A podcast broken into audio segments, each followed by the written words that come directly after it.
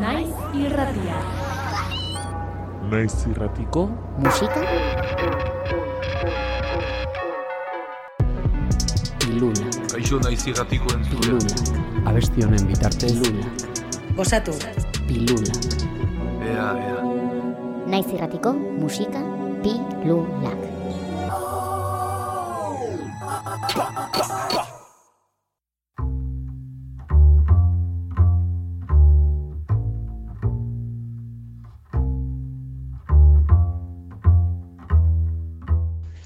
Haupa, Ibai naiz, ibilbediko kantaria, eta gure azken lana aurkezteran ator, beltxarga beltza. Bi urteko ibilbide labur baina oparoa egin du ibilbedi taldeak. Orain arte, berandu baina garaiz, diskoa eta bide zuzena teilaturantz singelak eskaini dizkigu irunberriko boskoteak. Eta otsail amaiera honetan plazaratu dutenarekin bigarren lan luzea du hau. Ibai Osinaga, Amets Aranguren, Areta Senosiain, Eder Eskalera eta Javier Larrañeta ibiltzen hasi eta ez dira gelditu. Beltxarga beltza dute bideko azken mugarria. Nik personalki ba, dolu prozesu batetik edo ateratzeko edo erabili nuen, ez? E, sortu nahi nuen talde bat kantu berriak egin, pixkat dolu prozesu hori gainditzeko, eta, bueno, lagun bat, amets, antzeko egoera batzuetan ibili zen eta erabaki genuen talde talde bat sortzea. E, hasieran areta, amets eta hirurok e, elkartu ginen, gero Javier eta Eder batu ziren eta orduan sortu zen ibilbedi. Ibilian, ibilian ezagutzen du batek bidea, hobeto hautatzen du bidezidorra, alde batera uzten lasterbideak. Horregatik agian, helduago sumatzen dugu ibilbedi bigarren lan luze honetan. Biribilagoa da, beltxarga beltza. Barne lotura sendoagoak eraikitzen ditu kantuen artean.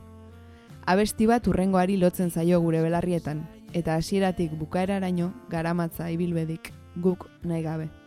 Ba, ia esan nahiko ezberdina izan da prozesua, kantak egiteko prozesua, eta grabaketa ere bai, e, oraingoan etxean grabatu dugu, bueno, nik e, sortudan estudio txiki batean grabatu dugu, irun berrin, eta orduan lasaitasunez hartu dugu prozesua, ze aurreko disko asteburu bakar batean grabatu genuen, eta egia da ba, elkar e, hobe ezagutzen dugula guztiok, bostok. Ustut landuagoa dela diskoa, igual la bestiak ezakit orokorrean badute zer ikusi haien artean ere bai, eta saiatu gara pixkat zerbait lortzen hola globala dena ez. Eta orokorrean hori kantu igual landuagoak, sendoagoak, eta pixkat zainduagoak. Nolabait. Kantuak eh, nahiko modu naturalean ateratzen joan dira, ez? E, lehenengo kantuak uste dut urtarrila otsaian edo egin genituela, 2008ko urtarrila otsaian, eta egia da pandemiak nolabait lagundu gaituela mm, sortze prozesuan.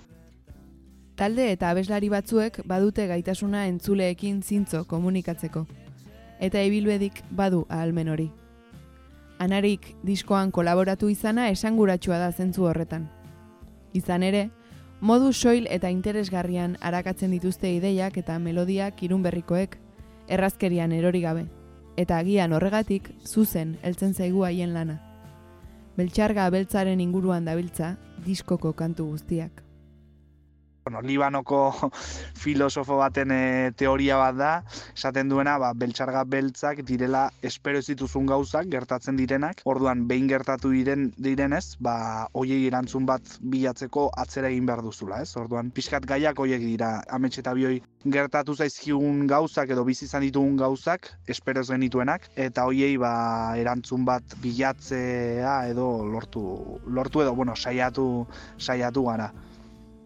Bueno, ba, ibilbedi oraindik ezagutzen ez e, duenarentzat pop talde bat gara, e, beltxarga beltzare pop disko bat da, pop e, lasaia esanen genuke, ornamentu handirik gabekoa ere, eta esan dagoa, pixkat, e, espero ez ditugun gauzei buruz e, hitz egin dugu, bakoitzak ere arditzala nahi duen bezala, ez?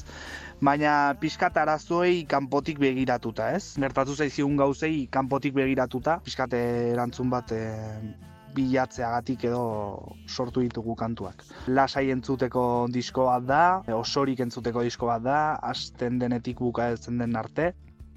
Hau dugu, ibilbe diren huts kantua.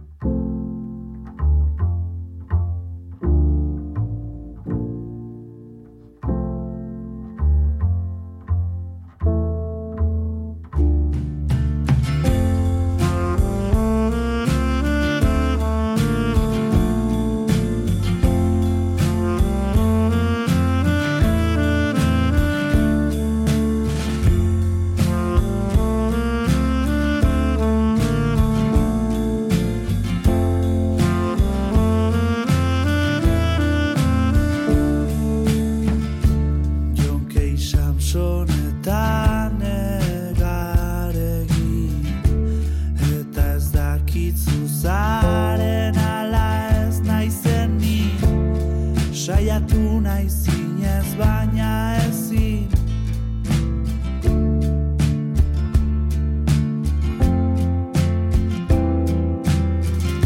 saiatu nahi zinez baina ezin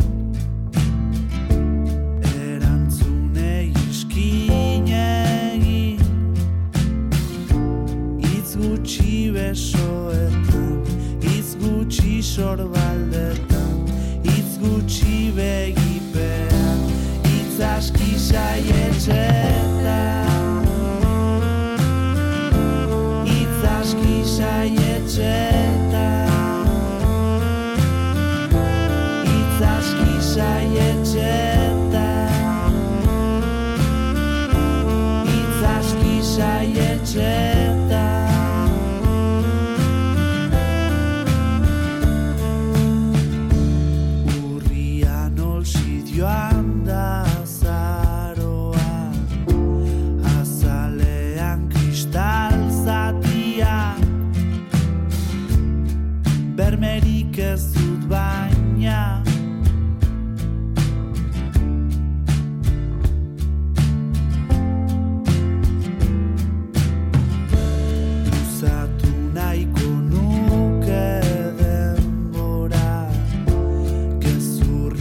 ez esan